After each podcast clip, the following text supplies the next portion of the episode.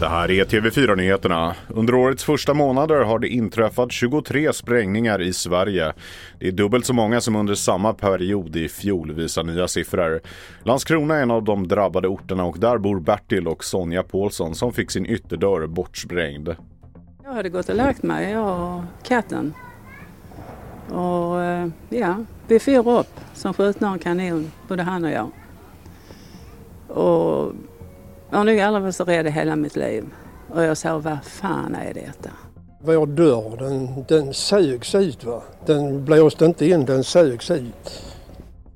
Den terrorstämplade kurdiska gerillan PKK uppmanar och rekryterar till terrorism samt bedriver terrorfinansiering från Sverige.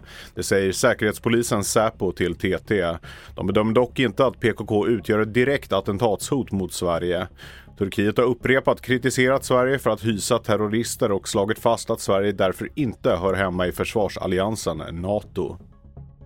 EU-ländernas ambassadörer i Bryssel enades sent igår kväll om ett tionde sanktionspaket mot Ryssland.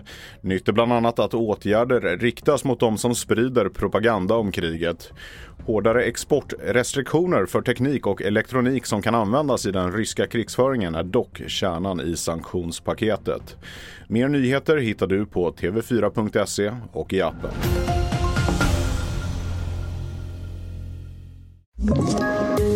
Poddtips från Podplay. I podden Något Kaiko garanterar östgötarna Brutti och jag, Davva, dig en stor dos skratt. Där följer jag pladask för köttätandet igen. Man är lite som en jävla vampyr. Man har fått lite blodsmak och då måste man ha mer. Udda spaningar, fängslande anekdoter och en och annan arg rant.